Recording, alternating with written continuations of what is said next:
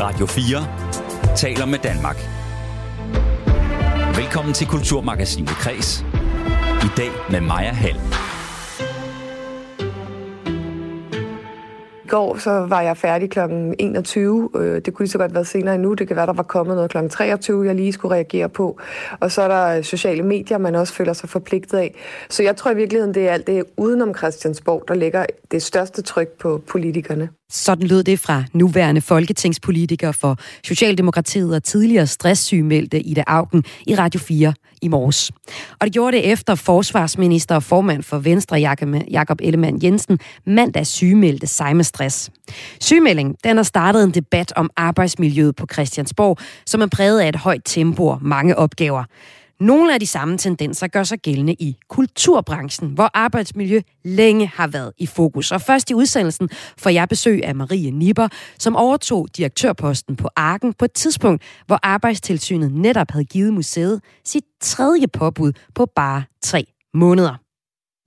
Det er jeg jo den helt, helt, helt forkerte til. Jamen, jeg, tror... jeg, kan, jeg går ikke engang holde ud af protonprisen de steder, hvor det forventes af protonprisen. Nej, men du skal se det mere som en sportsgren. Ja, jøder kan prutte om prisen. Det kan københavnere ikke. Eller hvad? Klippet af her er fra serien Jysk for begyndere, der er det seneste eksempel fra populærkulturen og den offentlige debat, der undersøger forskellen på folk fra byen og folk fra landet. Meter i sekundet, i og med debatten Støjbergs fine salonger er andre aktuelle eksempler på det. Og jeg er nysgerrig på, hvorfor det her emne er et stort og tilbagevendende emne i lille bitte Danmark. Det er fordi, vi forstår bedre, hvem vi selv er, når vi står i modsætning til andre, lyder det fra en forsker på området. Og komiker Torben Chris, der er aktuel med Jysk for Begynder, peger på, at vi grundlæggende er ret ens, men at nogle rent praktiske ting gør forskellene. Jeg taler med begge i dagens udsendelse. En udsendelse, hvor vi også skal se på Mozart i børnehøjde.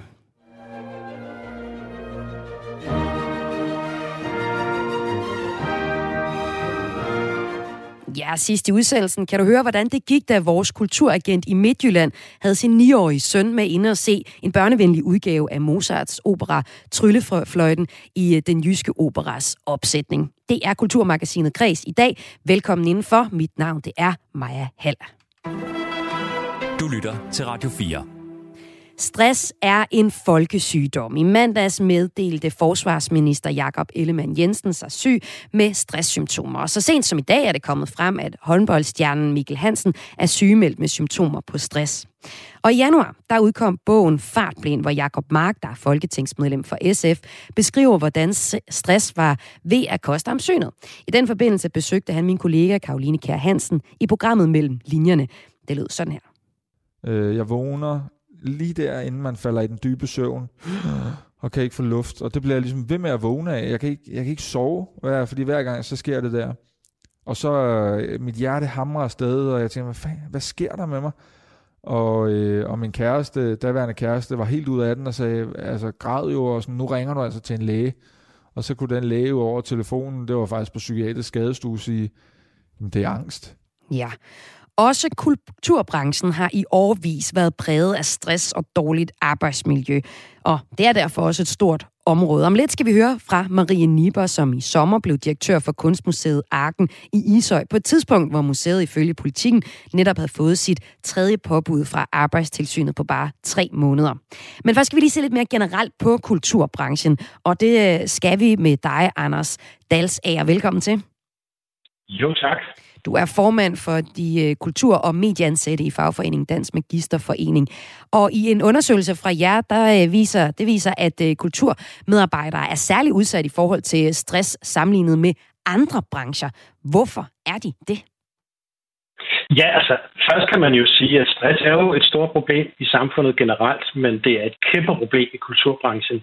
Øh, vores seneste medlemsundersøgelse af alle de her flere tusind medlemmer, vi har i kulturbranchen, den viser, at øh, næsten halvdelen ikke mener, at de har tid nok til at løse deres arbejdsopgaver, og halvdelen øh, siger, at deres arbejdsplads er præget af stress.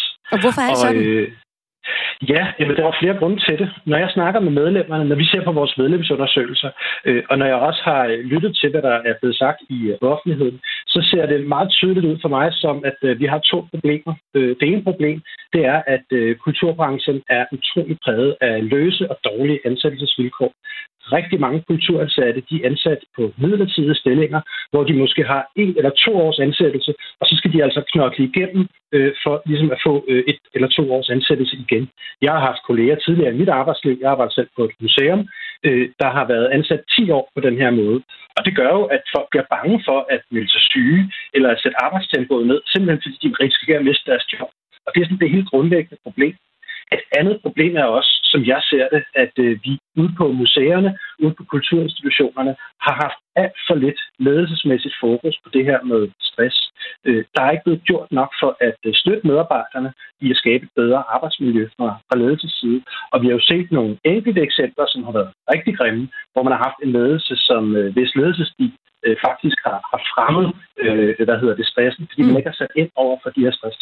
Ja, og løsningen på nogle af de problemer, du opremser her, er jo øh, nok det modsatte. Altså netop i stedet for løsansættelser, så fastansættelser. Men jeg hørte også sige, at der er et arbejdstempo, og der er også noget, øh, et, et, et, et urealistisk forhold, måske mellem ressourcer og forventninger. Det er også noget, det vi har hørt gentaget i forhold til øh, de sager, der har været i branchen med eksempelvis Arken, vi skal høre om lidt, men også et museum som Aarhus et kunstmuseum i Aarhus, eller eller Søfartsmuseet. Altså, det er ikke en ny ting, at der er hårde arbejdsvilkår i kulturbranchen. Hvorfor er det, altså, det virker til, det svært at ændre på, at de her sager popper op. Hvorfor er det så svært? Jamen spørgsmålet er, om det er så svært, og spørgsmålet er, om det ikke er en rigtig god idé, at vi begynder at gøre noget ved det. Fordi øh, mange af de her kulturinstitutioner, vi har i Danmark, de arbejder jo i en situation, hvor at deres øh, finansiering helt sikkert er for lav. Øh, men problemet er, at når man presser medarbejderne så hårdt, så ender man med nogle lange sygemeldinger i den anden ende. Og så taber man jo flere ressourcer, end man vinder ved at presse medarbejderne. Samtidig med, at det simpelthen også skaber en, en dårlig stemning på, på arbejdspladserne. Og, og dermed så får danskerne ikke al den kultur, de faktisk kunne få, hvis nu vi sikrede medarbejderne nogle bedre forhold. Men hvad jeres undersøgelse også peger på, det er, at, at kulturbranchen er særlig og hårdt ramt i forhold til dårligt arbejdsmiljø. Har I som fagforening, altså du er formand for de kultur- og medieansatte i fagforening Dansk Magisterforening, Anders øh, Dalsager, har I været lavet langt nok frem i skoene i forhold til at få forbedret arbejdsvilkårene, så vi ikke ser alle de her sager derude, hvor der kommer tre påbud Altså, det vi prøver at gøre, øh, det er, at vi prøver at række ud til for det første ledelserne selvfølgelig, og så prøve at se på, hvad er det for nogle institutioner, der faktisk er lykkedes med at skabe nogle bedre vilkår, og lykkedes med at nedbringe sygefraværet, og lykkedes med at skabe bedre arbejdsmiljø. Og så ligesom prøve at udbrede budskabet omkring, hvad man gør de her steder. Samtidig så har vi jo selvfølgelig også enormt mange tillidsrepræsentanter ude på vores museer, som jo er øh, repræsentanter for fagforeninger for medarbejderne lokalt. Og der er jo rigtig mange af dem, der gør en kæmpe indsats i dagligdagen for at løfte de her problemer. Men det, der er afgørende, det er jo, at man kan gøre det sammen med ledelsen, øh, og det skal et samarbejde mellem ledelse og medarbejdere. Og det vi kan se, at der, hvor at ledelsen er indstillet på at, øh, at gøre noget ved det her, og hvor der kommer det her samarbejde, så, øh, så kommer man altså også langt i forhold til at, øh, at skabe bedre arbejdsmiljø og, og bedre arbejdsvilkår. Og netop det skal vi tale mere om nu, men tak fordi du var med her, Anders Dals Ager, altså formand for de kultur- og medieansætte i Fagforeningen Dansk med Gisterforening. Tak skal du have. Og så velkommen til dig, Marie Nipper. Tak skal du have. Der er en smule forsinkelse på, men jeg er sikker på, at vi klarer den alligevel. Marie Nipper, du uh, tiltrådte i sommer som direktør for Kunstmuseet Arken i Ishøj. Og det gjorde du på et tidspunkt, hvor museet netop havde fået sit tredje påbud for arbejdstilsynet på bare tre måneder. Hvad var det for en opgave, du stod over for, da du tiltrådte, Marie Nipper? Jamen, det var jo en opgave, som øh, handlede om at skabe en bedre arbejdstrivsel på museet. Altså skabe et øh, arbejdsmiljø, hvor øh, vi kunne øh, både have glade medarbejdere, styrke museet til innovation, og øh, i det hele taget selvfølgelig øh, gå ind og arbejde øh, meget konkret i forhold til nogle af de ting, der blev øh, pointeret i påbuddet som jo i høj grad handlede om stress, om fornemmelsen eller oplevelsen af ikke at nå sine arbejdsopgaver, om hele tiden at være bagud, ikke have tid til at holde sine frokostpauser, øh, og en, en skal man sige, stærk psykisk belastning ind i, øh, ind i det arbejde, man skulle gøre hver dag. Ja, og hvad har du så konkret gjort for at ændre arbejdsmiljøet på Arken? Jamen, vi gjorde to ting, øh, da jeg tiltrådte. Vi øh, iværksatte ret hurtigt øh, hvad man siger, sådan et tostringet forløb. Både et, hvor vi hyrede nogle øh, certificerede arbejdsmiljøkonsulenter til at komme og arbejde med øh, alle de ansatte her på Arken og ledelsen i forhold til, hvordan øh, styrker vi et bedre samarbejde, hvordan får vi overhovedet taget et hul på en fælles dialog omkring de her ting. Og så øh, iværksatte vi også et forløb, som var øh, hvad man kan sige, øh, et, et sådan lidt vildere indgreb, ja. øh, men som handlede om, at vi simpelthen bare gerne fra start, selvfølgelig både for mit vedkommende og resten af ledelsen, signalerer, at det er et andet arbejdsliv, vi gerne vil have her på museet, end det vi oplever der har været. Øhm, og det hed, kaldte vi for Arken i Balance, og det handlede om, at vi så på, hvordan er det egentlig, vi arbejder sammen? Hvordan kan vi gøre nogle ting bedre? Hvordan kan vi sørge for, at man får fokustid i sit arbejde til at gøre det, man skal? Øhm, og hvordan kan vi så også give sådan en, øh, en gave til hinanden, hvor vi får lov til at pause en gang imellem, øh, og, øh, og få gode idéer og, og kunne bringe noget ny energi tilbage til arbejdet. Ja, jeg kan huske, altså, jeg har været, har... været i kontakt med, med nogle af jer fra Arken i forbindelse med mit arbejde her på Kulturmagasinet Kreds på Radio 4, hvor jeg fik en auto-reply tilbage, hvor der stod, at der var en, øh, en fridag, som jeg går ud fra er en del af, af den her, de her to månedlige fridage, som I arbejder med på, på Arken. Og, og i det er der også en fire-dages arbejdsuge. Kan du prøve at sige lidt om, hvad er tanken bag det? Ja, altså øh, det var, øh, hvad man sige, det, det var den gave, vi gerne ville give til hinanden som kollegaer. At vi øh, kunne få lov til at, at, at tage en pausedag øh, i gennemsnit hver anden fredag, hvis man er fuldtidsansat, og så er det sådan skælderbart alt efter, hvor mange timer man er ansat. Øh, for at, øh, at man netop lige kan blive hjemme, eller gå en tur, og øh, simpelthen restituere mentalt, øh, og, og komme tilbage til arbejdspladsen med alle de gode idéer. For det er jo også vigtigt, og det er jo også noget, vi kunne høre medarbejderne efterlyste. Det var det her overskud til mm. at tænke ud over den daglige drift og de opgaver, der skal løses hver dag. Øh, og det mente vi, vi bedst kunne gøre ved at give hinanden den her pausedag. Og det gør ikke bare folk øh, mere travle? Dag, Nej, fordi det var selvfølgelig en vigtig del af det, at vi kunne kun give hinanden den her pausedag, hvis vi også alle sammen kollektivt på museet går ind i en proces, hvor vi kigger på, hvordan det er, vi arbejder. Altså, øh, vi kan jo også sætte ekstremt mange processer op for os på selv på sådan et museum, der måske ikke altid gør vores arbejdsgang nemmere. så, så det har vi også kigget på, hvordan sørger vi for, at vi holder for eksempel fælles fokustid på museet en time om dagen, øh, versioneret til visse afdelinger, der alle ikke kan holde helt på samme tid, hvor får lov til, at man er siddet fordybet og ikke skal tage sin mobiltelefon eller, eller mm. læse en mail. Øhm, og så kigger vi selvfølgelig også på, hvordan holder vi møder, hvordan sender vi mails til hinanden. Altså, så man prøver lidt at finkæmme øh, den måde, vi arbejder sammen på, og i fællesskab tale om, jamen, hvordan kan vi gøre det bedre, hvordan kan vi gøre det på en måde, hvor vi ikke presser og stresser hinanden. Øh, så vi kigger indad i organisationen mm. først, men hvor det har været vigtigt for os fra start at sige, så tag den her pausedag og, øh, og lad op og komme tilbage med alle de gode idéer, som vi ja. jo også har brug for, for at blive et, øh, et fremtidens museum. Og Marie Nipper, som jeg sagde indledningsvis, så er øh, stress noget, vi taler om i hele vores samfund. Vi gør det aktuelt lige nu på grund af den øh, sygemelding, vi har set på Christiansborg fra Venstres Jakob Ellemann Jensen. Og øh, 200 kroner, ej, det må nærmest være, det er, en, det er en bog, du kan lave på det her, hvis du kan svare ja til mit spørgsmål virker de her indsatser? Altså, det som, øh, jeg kan da godt sige ærligt, da jeg tiltrådte som direktør her i august måned, der håbede jeg da, at jeg kunne komme med en eller anden tryllestav, og så kunne jeg bare ved at komme og sige, at nu skal vi ikke være stresset mere, mm. så vil alle få det bedre. Og sådan er det naturligvis ikke. Det er jo øh, ikke et sprint, vi er på, det er en maraton med at omlægge en kultur, med at tale om, hvordan vi kan arbejde anderledes. Så det er et langt sejt træk. Mm. Men jeg tror, øh, det, det vigtige er jo, at vi netop får snakket om det. Og vi kan da allerede mærke, eller jeg kan i hvert fald allerede mærke her på museet, at der er kommet en, øh, en meget større øh, sådan, øh, øh, trang til latter øh, og, og det gode humør. Der er en idérigdom, der flyder ud fra medarbejdere. Og også bare det, at vi tør tale med hinanden om tingene, det ser jeg som mm. et tegn på, at vi er på vej i en rigtig retning. Ja, så tegn på den rigtige retning, men de endelige endelige resultater har ikke øh, helt endnu. Hvis vi nu ser på årsagen til de her ting, der skulle implementeres, som du øh, satte i søen, da du tiltrådte som direktør for, for Arken, jamen så var det jo et, et, et tidspunkt, hvor det virkelig var gået skævt for museet. Hvis man læser politikens dækning af arbejdsmiljøet på Arken på det tidspunkt, hvor du tiltrådte som direktør, så er det altså virkelig alvorlig læsning. Der var tale om mobning, bagtagelse, rygter og frygt, og de ansatte var ifølge politikens dækning i risiko for depression, hjertekarsygdomme og også PTSD. Altså, hvordan var arbejdsmiljøet kørt så meget af spor? Det må næsten være en del af det, jeg skulle kigge på for at kunne indsætte de her initiativer. Jamen, jeg tror, en stor del øh, har noget at gøre med det her med, at der simpelthen ikke var blevet talt om det. Altså den her tavshedskultur, som Anders jo også var inde på, ligger sådan, øh, måske generelt i branchen, men, men som jo i hvert fald havde øh, reageret her på museet. Øhm, og selvfølgelig hele tiden den her ønske om at, at performe på et højt niveau, fordi man arbejder på, på, vi arbejder på et højt internationalt niveau på museerne, og, øh, og der er det klart, hvis, øh, hvis der ikke er et meget skarpt ledelsesfokus på, at tale om, hvordan vi gør det på en måde, så det også øh, både øh, skaber en god kollegialitet, men også et godt arbejdsliv for den enkelte, så kan tingene hurtigt køre i hårdknude. Så det er jo også vigtigt for mig at sige, at det her er jo ikke en samtale, og det kan jeg sige til alle, der begynder at prøve at arbejde med det her ude på en arbejdsplads. Det er jo en samtale, man skal have hele tiden og løbende. Ikke noget, man øh, quick fixer øh, på et øjeblik. Så de her initiativer er ikke nødvendigvis man havde, man havde gjort lidt med det? forsømt den samtale i noget tid herude.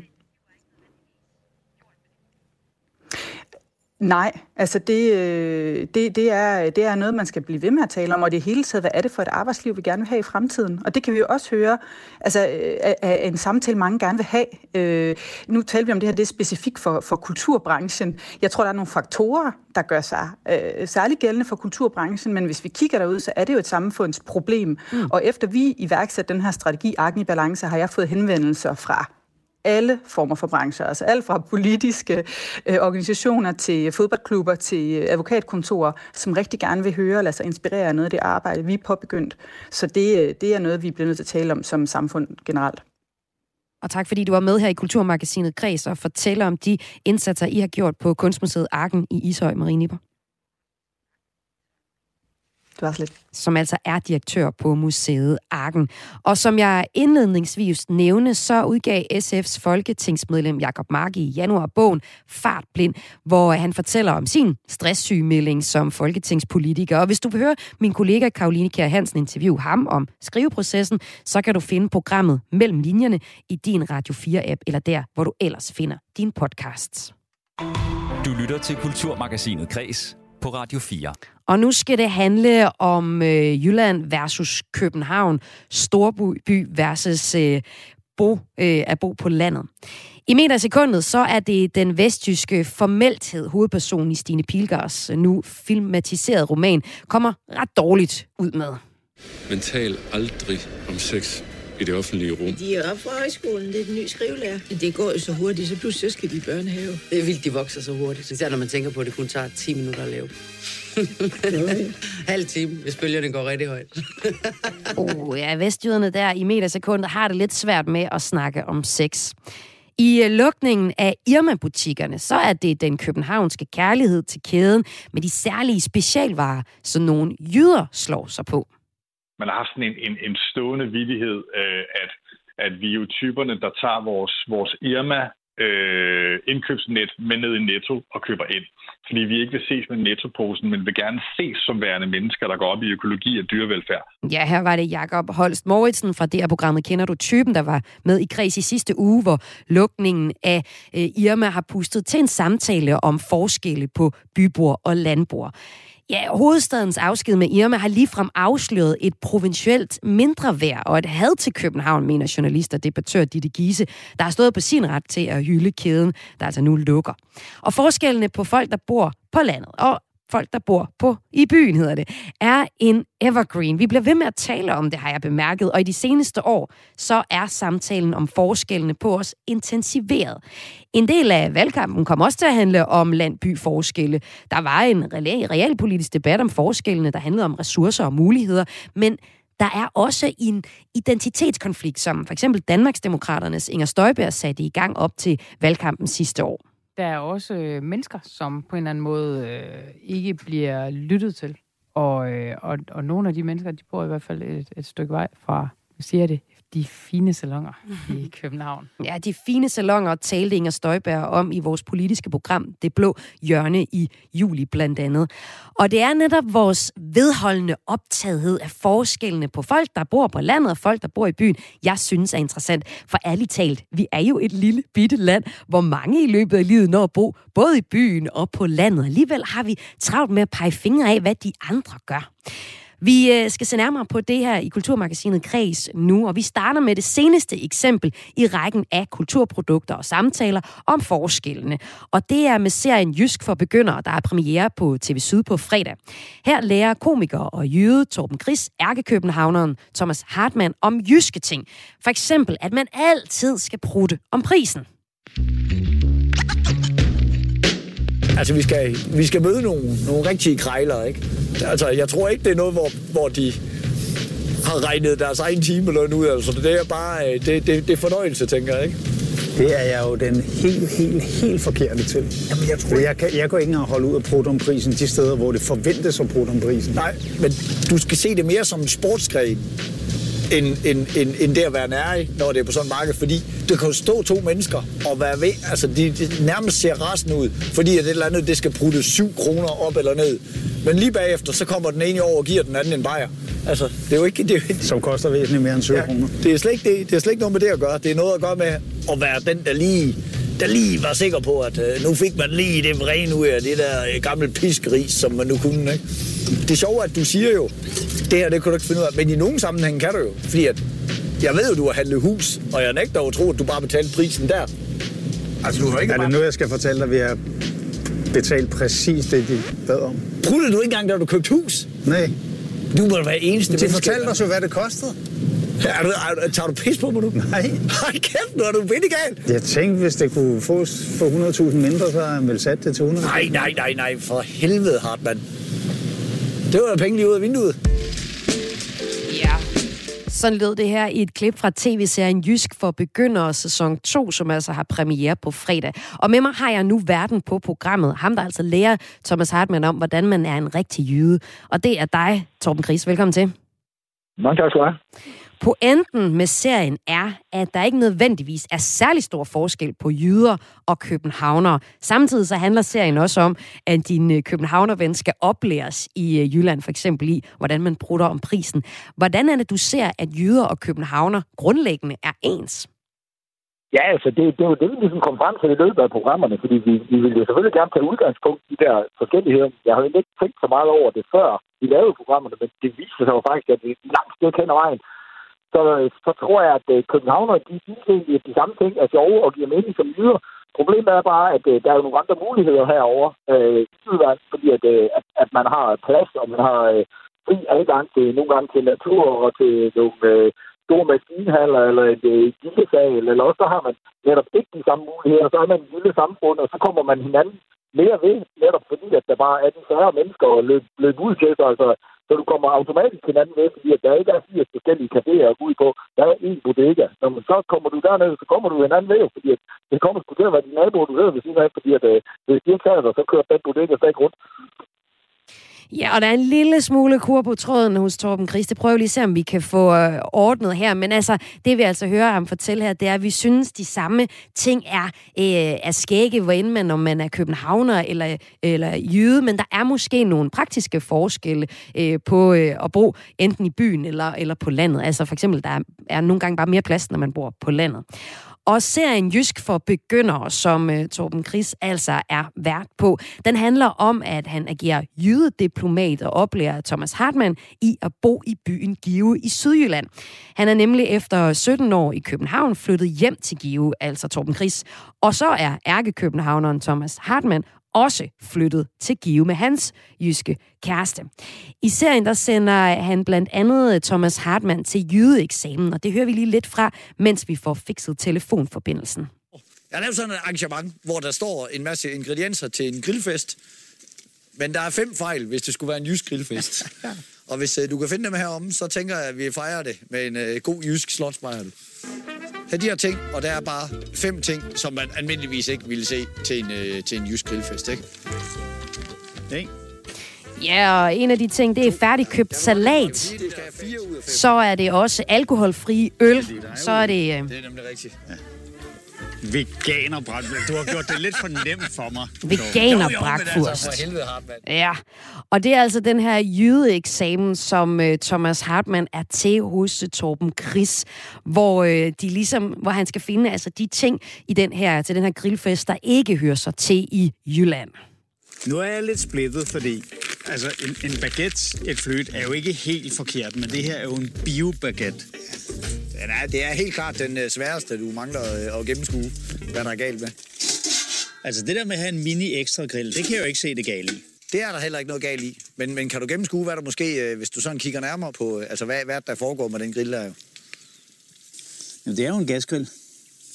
Ej, jeg vil faktisk godt lide, du har jo godkendt den, altså den er jo vundet, ikke? Du har fået 4 ud af 5, ligesom vi har aftalt. Ja. Det der er, øh, som du vil erfare, det er, gasgrill, det er ikke noget, vi kører med i Jylland. Okay. Du bliver hånet for det. Det er sådan, hvad sagde den? Har du købt en, øh, har du købt en udendørs gasovn? Det har sgu ikke noget med grill at gøre. Det er sådan, så kommer alle flosklerne og sådan noget. Det skulle du vide. Jyder, vi bruger sgu ikke, ja, vi bruger ikke øh, gasgrill. Meget, meget fin og dyr gasgrill derhjemme. Jeg fortæller øh, Thomas Hartmann altså øh, her i øh, Jysk for Begyndere, som er den her øh, tv-serie, der har premiere på øh, fredag på TV Syd. Og Torben Chris, nu er du med på en lidt bedre telefon, håber jeg. Det håber vi. Ja, det gør vi. Nu øh, får vi fundet fire ting, som øh, du i den her eksamination af Hartmann mener er, er meget jyske. Færdigkøbt salat af den sådan smarte slags, tror jeg, du får sagt. Alkoholfri øh, øl. Og så øh, og, kø- altså, altså bratwurst, en, en vegansk udgave i det. Og så en, en, øh, en gasgrill. Altså, er kulgrillen mere jysk ting? Altså, hvad med Næstved, eller folk, der bor, øh, ved jeg ikke, på, på landet på Fyn? Øh, Jo, jo. Helt klart, men altså, som du også siger indledningsvis, det er jo, det er jo meget øh, altså land mod by, ikke? Altså, nu er det jo, fordi at Hartmann, han er flyttet til Jylland, og så laver vi programmet Jysk for Begyndere. Og han er jo født og opvokset i København, og har jo altid boet i storbyen, ikke? Men det er da klart, at altså, det har jeg da altid lyst til at sige til, til, til folk, øh, som, som ikke har bevæget sig uden for Jyllands grænser og mener, at, øh, at de snart kommer over broen, så, så, så er det hele bare København. Altså, nogle af de største bunderøve i Danmark, de bor der helt klart i Slagelse. Det er da min vurdering, altså. Ja. Jamen, hvorfor er det så interessant at tegne forskellene op, og du gør det med det her program jo? Jamen altså, jeg synes jo bare, det, det er sket. Altså, så, altså det, det, er jo, der er jo noget sjovt i, de- i det der lokalpatriotisme, altså hvad det er, man på en eller anden underlig grund er stolt af. Mm. Og altså i Jylland er det jo eksempelvis sådan noget der som, altså, øh, øh, altså det er jo meget smøjs, spøjs, fordi nu havde I før det der med at bruge om prisen og sådan noget, det kan alle folk jo godt se, det giver jo mening. Altså det er jo en god idé at spare penge. Men nu de eksempler her, med eksempelvis yder, der sådan kigger lidt ned på en, på en veganerpølse, hvad fanden er det for noget godt? Eller så er det sådan set ligegyldigt, om den smager præcis lige så godt som en anden pølse. Så vil man jo altid blive hånet for, hvis du møder op med sådan en til en grillfest øh, i, i Jylland, ikke? Og det er jo bare, det er jo bare spøjst, at, at, at der er sådan nogle områder, hvor man bare sådan er stolt af at være sådan en bundeklold. Det der, det er, vi, det, det er noget nyt, så det skal der i hvert fald, det tager vi ikke lige til os de næste 40 år. Det skal vi lige se lidt andet, ikke? Altså. Ja, men kommer der ikke også lidt sådan en, man kunne sige, øh, Københavner-bashing? Det der med, at de spiller så smarte, de der storbyboere, men de har slet ikke regnet den ud. Vi er meget mere snu. Altså, er der ikke lidt en sådan en... Kommer vi ikke til at lave sådan et ret stort skæld, øh, som måske slet ikke er så stort i virkeligheden? Jamen altså, jeg synes jo ikke, at det er særlig stort i virkeligheden. Men altså, nu det her omdrejningspunktet for det her program, det er jo humor. Og altså, man kan jo sige, sige jo jo, det bygger på fordomme, mm. og det bygger på klichéer. Men fordomme og klichéer, de opstår jo på grund af statistik. Mm. Altså, hvis det, var, hvis det, ellers så ville alle folk jo bare sidde og kigge på det der og bare tænke, hvad snakker han om? Er det, er det virkelig rigtigt? Er det, er det en ting, at de ikke vilde med alkoholfri øh, øl i Jylland? Det har vi da aldrig bemærket. Men folk ved det jo godt, at det, at, at, at det jeg siger, er jo korrekt. Og nogle af tingene mm.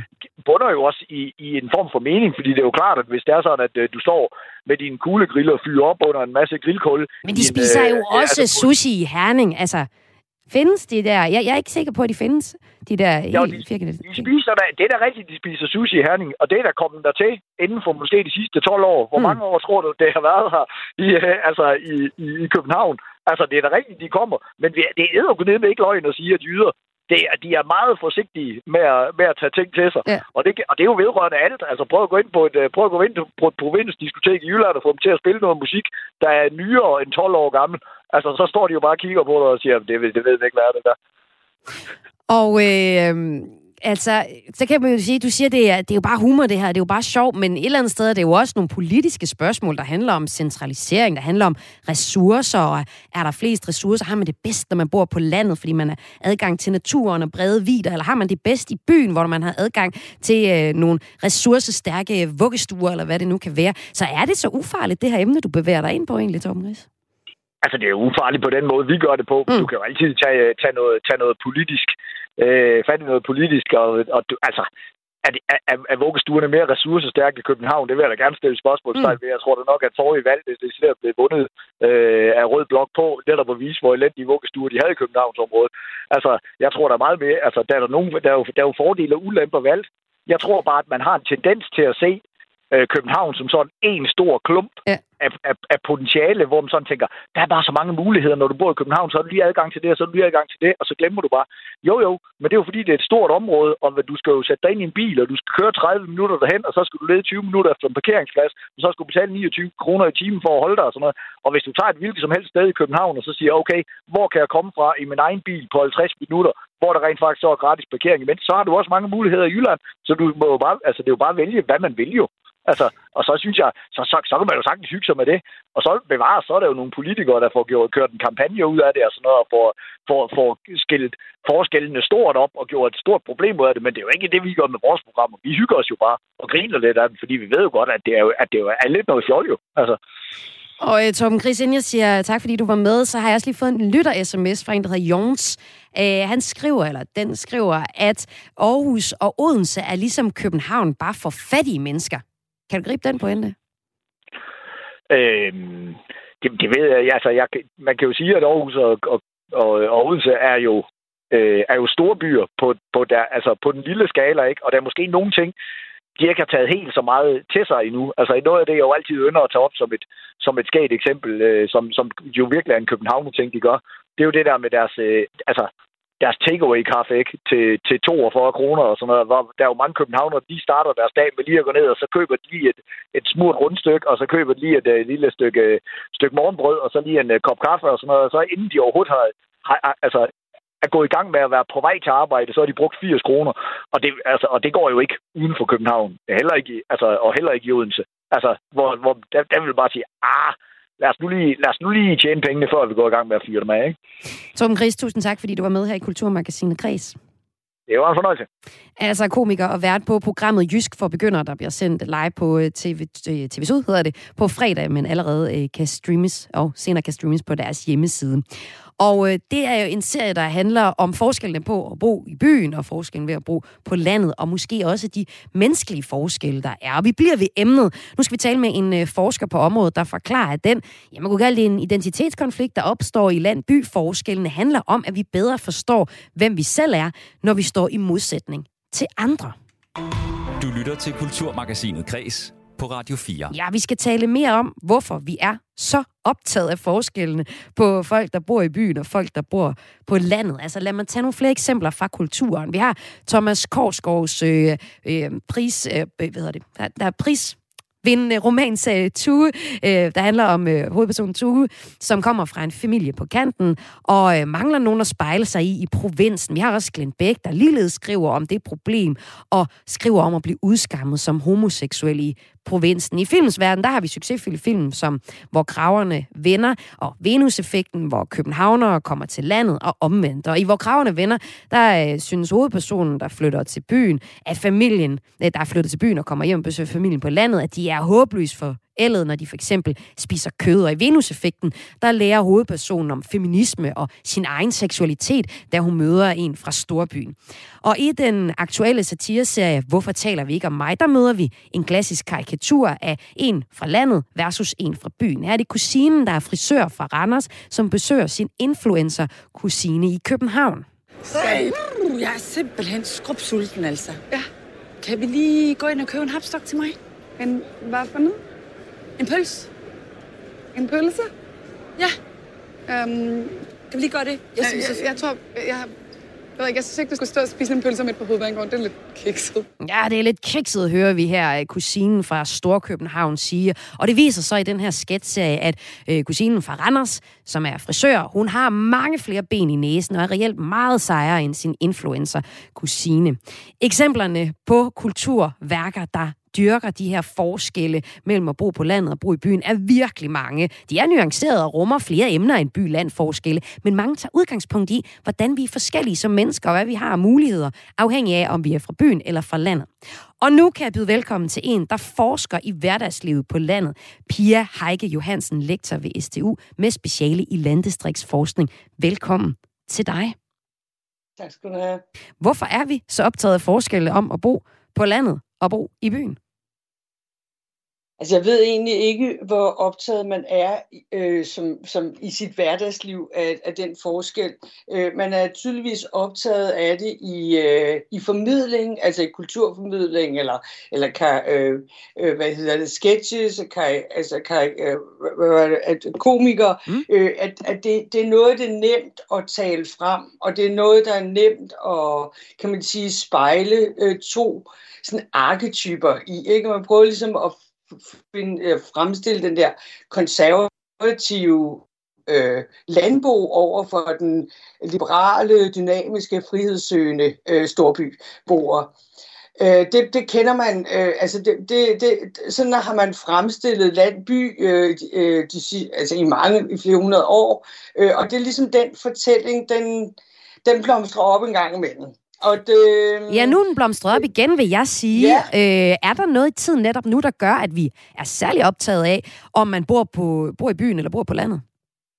Altså, der, der har simpelthen været en, en, der har været en valgkamp, hvor det her har fyldt en del, øh, og hvor man ligesom har forsøgt at, at, at tale øh, øh, tale en, en landboer op i, i forhold til byboer øh, i sådan magtrelationer. Hvem er det, der egentlig har fat i den lange ende, og, og hvem er det, der kan tale, så andre kan forstå det osv.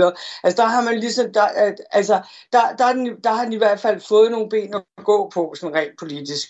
Så har der selvfølgelig også været nogle altså diskussioner om, omkring øh, udflytning af institutioner, altså væk fra eller uddannelsespladser, altså ligesom den der diskussion omkring centraliseringen, som var i nullerne, den, den begynder nu at, at vende sig til at være decentraliseret. Nu skal vi til at ikke være så fokuseret på, på, hvad der sker i byerne, men mere også, altså få, mm. få bredt det mere ud over ja, hele landet. og det er jo faktisk så, det, jeg ja. synes, jeg vil kalde sådan københavner-bashing. Altså, jeg synes, der er en tendens til, at vi øh, ser rigtig mange kulturprodukter, der handler om øh, at bo øh, på landet. Noget af det handler også om, om problemerne ved at bo ved det, men der er også sådan en eller anden indstilling til, at København og storbyen er også lidt overfladisk i sig selv. Vi så det med influencer-karakteren her fra, fra storbyen. Vi kunne også sige med, med uh, Irma-debatten, hvor nogen himler med øjnene over, at man kan finde på at slå ring omkring en, en, en uh, supermarkedskæde uh, og synge, men, I kan ikke slå os ihjel. Ja. Jo, jo, og samtidig så, så falder vi svime over et landsbysamfund, som samler sammen til, at den lokale købmand kan overleve. Mm. Altså, det er der ikke nogen, der synes, der er karikeret. Det ja, hvorfor er der det i København, der lige står for skud? Det synes vi er hverdagens ja, helte. Ja. Altså, der, så, der, så, så, ja, altså, så ja, der er sådan en tendens til altså, øh, at, at fremhæve noget, som skulle være bedre end noget andet. Altså, men det ene, det handler om, om en, en supermarkedkæde i, i øh, på Sjælland, fordi den er jo ikke kun i København. Øh, og det andet, det handler om landsbykøbmanden, som øh, jo også ligger spredt rundt i hele landet. Og, altså, altså begge dele handler om indkøb. Mm. Altså helt mm. banalt. Ja. Altså, og, men, men det bliver ligesom øh, mere legitimt at at udstille dem, som godt vil bevare deres øh, Irma-butik, øh, som, som øh, sådan lidt ja, øh, øh, ligeglade, eller sådan snobbet, eller hvad man skal finde, mens det bliver legitimt at rose de her mennesker, mm. som øh, spytter i kassen for at... Ja, og, og, og Pia Heike Johansen, som, ja. som lektor ved SDU med speciale i landdistriktsforskning, hvorfor er det, at det er København, det er storbyen, der står for skud netop nu, vil du sige? Jamen altså, jeg, jeg vil sige, at det har, har rigtig meget at gøre med den politiske diskurs, som blev lagt i forbindelse med, med øh, valgkampen. Jeg vil så også sige, at det er en fuldstændig almindelig Øh, altså, øh, det, det, det er en diskussion, som har været de mere end 20 år. Jeg har øh, arbejdet med landdistrikter, så har man ligesom fremhævet den der forskel.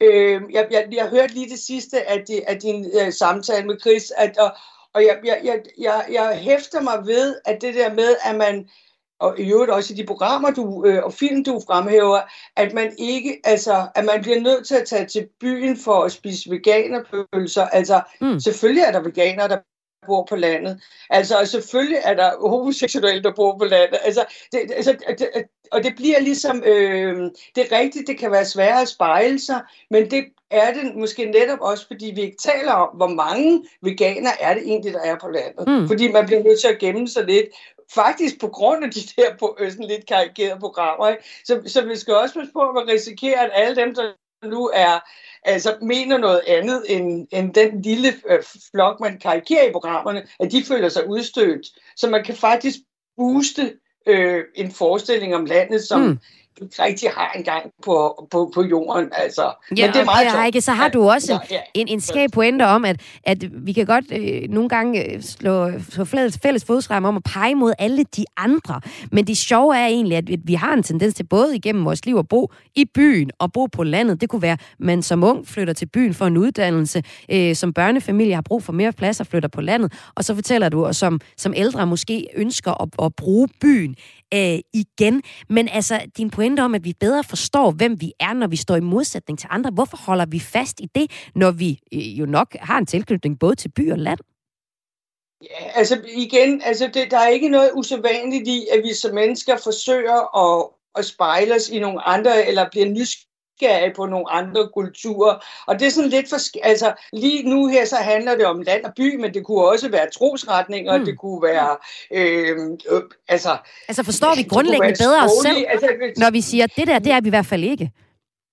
Øh, altså, på en, det, det kan man sige, det gør man på den ene side, men, men der opstår jo også en nysgerrighed i forhold til, hvem er den anden? Mm. Altså, hvad, hvad er det for nogle værdier, øh, der fylder i den anden side? Man kan jo vælge at sige, at, at man sætter sig i modsætning til, men man kan jo også vælge at sige, at der er en nysgerrighed på, hvad er det, der fylder i de menneskers liv, som vælger et landliv til, og hvad er det, der vælger, fylder i de menneskers liv, der, øh, øh, øh, altså, der bor i byen. Og der er givetvis nogle forskellige ting, der, øh, der fylder, øh, øh, nævnt transport, øh, som, som en af de dele, der fylder, øh, altså, øh, det kan også være adgangen til, til at komme i skoven eller ud i naturen. Hvis man bor i byen, så fylder det det er meget. Altså, hvordan kommer vi ud øh, og går en tur i skoven? Hvordan kommer vi ud øh, til stranden osv.? Hvis man bor ude midt i det, så det er jo ikke det, der fylder allermest. Mm, mm. Så, så det er jo klart, at vi har nogle forskellige ting, der fylder i livet på forskellige tidspunkter. Ja. Altså, så det er jo sådan set siger, det er, at det er sådan, øh, vi er jo vi er mennesker, vi, vi er ens på den punkt, ligegyldigt om vi bor i byen eller på landet. Altså, vi, vi prøver at definere os selv, og så er det det praktiske, der kommer til at betyde rigtig meget. Altså, øh, hvad er der egentlig rent praktiske forskelle? Hvad har jeg mulighed for, om det kommer til, mm. til bolig, trafik, eller, øh, mm. ja, eller yeah. til at komme ud i, i naturen? Og der har du også et ret et sjovt eksempel på, hvordan at at øh, vores fordomme om, hvordan det ene eller det andet er, kan komme til at smitte af i vores øh, ja, forestilling om, hvordan verden er skruet sammen. Og blandt andet i dit eget felt, altså i forskningsværken, så er der øh, nogle perspektiver, som fylder en, en storbylogik. Logik, prøv lige at fortælle øh, det gode eksempel på det. Ja, altså der, vi har, der er flere flere eksempler på det. Altså, øh, hvad hedder det, der har øh, den underliggende strøm i landdistriktsforskningen har været, at der er rigtig mange mennesker, som bor på landet, som egentlig hellere vil bo i byen. At de, kan, men de bor der, fordi de ikke kan komme væk derfra. Men rent faktisk så er det sådan, at det meget ofte, og specielt under finanskrisen, var storbyboer, der ikke kunne komme ud af deres øh, lejligheder, fordi de var teknisk insolvente. Så lige meget, hvor meget de gerne faktisk ville flytte ud på landet eller ud til provinsen, så var det faktisk ikke muligt for dem at komme væk derfra. Altså et andet eksempel, det er, at hvis vi måler på friluftsliv, hvor meget er er, er øh, forskellige befolkningsgrupper ude i naturen, og øh, det kan man sige, at hvis, hvis man stiller spørgsmålet om, hvor ofte cykler du en tur øh, i skoven, øh, så vil man som byboer jo begynde at ramse op, hvornår man gjorde det, og, og det vil man så, men, men som landboer, så vil man, så, så vil man tænke, jamen, jeg cykler ikke i skoven, men man har cyklet gennem skoven, da man cykler til skole, da man cykler til købmanden, eller da man cykler til, til, til idræt. Så, så, så på den ene side, så vil man bonge ud som landboer, som en, der aldrig nogensinde kom ud i naturen, fordi at det, det at være i naturen, når man bor på mm. landet, mm. det er en naturlig bevægelse fra A til B. Ja. Og nu snakker vi om det her med ja. at komme øh, fra byen og ud på landet, og fra landet og ind til byen. Men vi må jo også bare sige, lige uanfægtet af, hvor gode øh, vejforbindelser vi har og offentlig transport, så har vi et meget lille land, vi taler by-land-konflikt i, altså, eller konflikt eller forskel i. Altså, man kan køre fra den ene ende af Danmark til den anden ende på sådan 4-5 øh, timer. Altså, Øh, hvad er det for en storhedsvandhed, vi på en eller anden måde også har, når vi bor på landet og siger, at de er åndssvagt inde i byen, eller bor inde i byen og siger, vi har det mega fedt herinde, og dem ude på landet, de er slet ikke med på beatet. Altså, hvad sker der, Pia?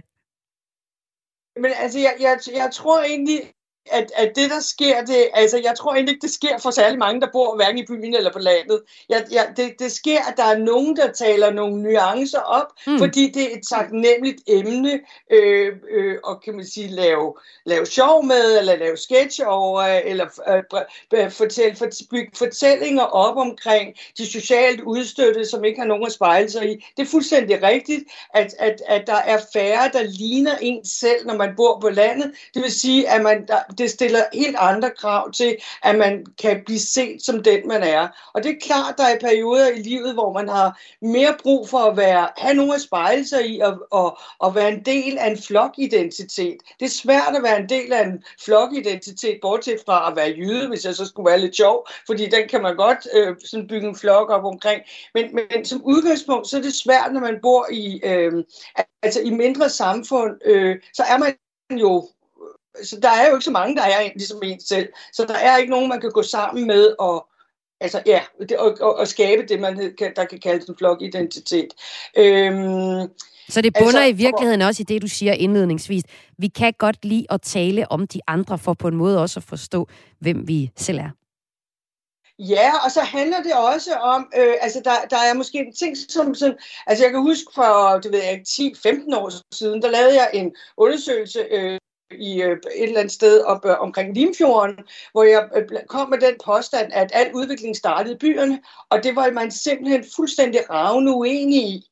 Altså, og der var ligesom den holdning, nej, al udvikling starter faktisk ude på landet, men det kan ikke spredes, fordi der er ikke nok til at sprede det. Mm. Så al, al, al idræt, al musik, al kreativitet og alt muligt andet, det skabes og genereres på landet, og så, så springer man ind til byen for at sørge, spørge for at få det spredt hurtigst muligt. Og det er der jo nogle pointer i. Der er mange øh, forfattere, musikere osv., som søger netop de landlige rammer, når de skal være kreative og ikke blive forstyrret af storbylivet. Og når de så skal til at udgive det, eller de skal til at have det til at vokse, så gør man det gennem byen, fordi der er mange flere mennesker. Og det er jo altså, nok også derfor, jo, vi også ja. ser netop kulturen øh, tage fat i det her emne land, by, forskelle. Og til at tale med mig om det, der havde jeg jo altså besøg af dig. Tusind tak, fordi du var med, Pia Heike Johansen. Ja. Velbekomme som er lektor ved STU med speciale i landdistriktsforskning. Og som jeg så talte med om den øh, ongoing debat, vi har om, hvad der er af forskelle ved at bo på landet og bo i byen. Vi har lige nu øh, Stine Pilgaards meter i sekundet, der er blevet filmatiseret. Der er også den her serie Jysk for Begynder, der får premiere på TV Syd på, øh, på fredag. Og så har vi også hele Irma-debatten, der kører stadig. Du lytter til Kulturmagasinet Kres på Radio 4.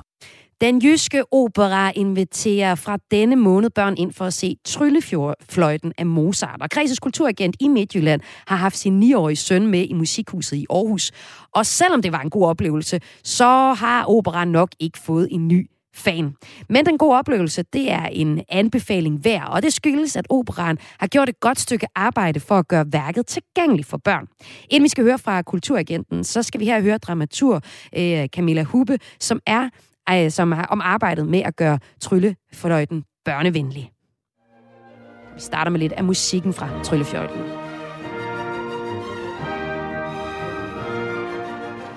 Sammen med instruktøren Dominik og øh, dirigenten Christopher har jeg simpelthen siddet og, og, øh, og klippet teksten, sådan, så den ikke er så lang. Eftersom vi gerne vil have, at den skal kunne øh, være en familieforestilling og også øh, kunne ses af af børn ned til, til syv år, så synes vi, at det var vigtigt, at den, øh, den blev kortet ned. At vi også har bearbejdet teksten sådan, så at der, det er jo en gammel oversættelse, at, at nogle af de sværeste ord ligesom bliver, bliver lavet om, sådan, så at børn også forstår det. Så jeg kommer ligesom måske mere som en repræsentant for publikum, øh, og kan stille alle de der uafbødige spørgsmål om hvorfor dit og hvorfor dat. Øh, og bliver det ikke lidt langt her, og nu kan jeg mærke, at jeg bliver lidt træt. Og så, altså, ud over at det er et rigtig godt eventyr, så er det jo også øh, øh noget fantastisk musik, som er simpelthen så let tilgængelig, så man, mens vi arbejdede med det, gik jeg bare fløjtede de der forskellige melodier. Jeg synes jo, at, at Mozarts musik kan, kan, øhm, kan tale til sanserne på en måde, så man, altså, at man ikke skal begynde at tænke, der er, nogle gange er det jo ikke alt, man forstår. Så skal man simpelthen bare opleve med sine sanser, og så lade være med at tænke, gud, hvad er det nu her? Det, var, det er svært, det her. Men egentlig bare gå lidt ind med et åbent sind, og så, og så øh, modtage de gaver, der kommer lød det her fra Camille. Camilla Hyppe i et interview til Musikhuset om Tryllefløjten. Og Tryllefløjten er en opera, der handler om en prins, der skal gå grueligt meget igennem for at få sin dronning. Og øh, prinsen er forelsket i øh, den her prinsesse, hvis øh, mor, nattens dronning, har opdaget, at hendes datter er blevet bortført af en troldmand. Og øh, da hun så finder ud af, ud af, at der er en prins, der gerne vil øh, finde hendes datter og lover at gøre alt, hvad han kan for at redde hendes datter, ja, så giver dronningen ham en magisk fløjte og en følgesvend, der så skal hjælpe ham på hans færd. Sammen der drager de ud for at redde den her prinsesse og finde kærligheden undervejs, så må prinsen dog lære, at det ikke altid er let at være sikker på, hvem der er de gode og hvem der er de onde, og skal meget igennem, inden, han, øh, kan, ja, inden eventyret kan ende lykkeligt. Og det var altså det her eventyr, Tryllefløjten, som vores kulturagent fra Midtjylland, Sanne Ejo Hjortøj, har været inde og se i øh, den jyske opera i Musikhuset i Aarhus sammen med sin 9-årige søn. Hun fortæller, at de startede med at få en kort introduktion til stykket, og så lærte de også en sang. Jamen, det var sådan en måde at få os involveret, kan man sige. Øh, så både børn og voksne, de kunne prøve at lære et af de her numre. Og for vores vedkommende, så var det jo nyt. Vi kendte ikke til stykket i forvejen. Og det tænker jeg, der var en hel del, øh, der ikke gjorde. Men så lærte man et af de her numre, så der stod sådan en meget sød, øh, dygtig inde, som havde en øh, smuk og dejlig klassisk stemme. Og så lærte hun også en lille linje af gangen. Øh, og på den måde kan man sige, så havde vi en lille idé om, hvad det var, vi skulle. Øhm, og så simpelthen midt i stykket, så lige pludselig, så var det tid til, at vi skulle synge med. Så, øh, så vi kunne ligesom bruge det inde i selve forestillingen. Hvordan var det at synge med på den jyske operas tryllefløjte? Eller tryllefløjte? det, det synes jeg, det klarede rigtig godt. Altså, det gjorde det jo lidt mere levende, kan man sige, øhm, og nærværende. Ikke så, ikke så fremmed. Så sad vi ikke bare der og var tilskuer. Og det er selvfølgelig en anden måde at synge på. Det er jo et gammelt stykke fra ja, 1791. Og du havde øhm, så din øh, søn med. Ja. Hvor gammel er han? Ja, han er ni. Og det er også en opsætning, som den jyske opera har lavet øh, målrettet øh, børn ned til syv år. Men hvad så din søn til det? Jamen altså, han skulle sådan lige varmes lidt op. Han øh, elsker badminton og sport. Så vi, vi gik ind til det som sådan, øh, hey, det her det er en oplevelse, vi ikke lige har haft før. Og det er ligesom noget nyt mad, man skal smage på for at lære den her, hvad skal man sige, øh, ret eller den her genre at kende. Så øh, han synes, det var rigtig spændende, og han synes også, at de sang lidt mærkeligt. Mm. Altså, det er jo, øh, det er jo anderledes, øhm, og det er gammeldags sprog. Så har de gjort det, teksterne at køre for oven, så man kan godt følge med, selv hvis man ikke... Det er jo ikke altid, man kan høre de ord, de synger, selvom det er på dansk. Øhm, og så synes vi begge to, at det var nogle virkelig fede, farverige altså karakterer og kostymerne. Øh, super flot opsætning. Ja, vi har jo at gøre med har... prinser, prinsesser, øh, troldmænd, og der er også en ond dronning, og alle er kommet i noget, nogle, nogle fede skrud. Ja, lige præcis. Og så har de en rigtig sjov øh, hjælperen, som hed Papageno, som øh, han var virkelig gjort øh, ekstra festlig og havde sådan nogle øh, røde glimmerbukser på og øh, røde lædersko og en masse af smykker og sådan noget. Så han var virkelig skruet ekstra op for, for sådan at gøre det, øh, ja, for at gøre ham elskværdig og, øh, og sjov og vedkommende. Og de gjorde også det, at de indimellem så talte de faktisk lige henvendte sig direkte til publikum. Øhm, ja, for at det ikke blev alt for fjernt, og vi bare skulle sidde dernede og, og prøve på at følge med, fordi det, det jo er lidt en gammeldags fortælling. Øhm, ja, og hvad vil ja. du sige? Tror du, det er noget, din øh, søn kunne lokkes til igen, eller hvordan havde han det med oplevelsen efterfølgende?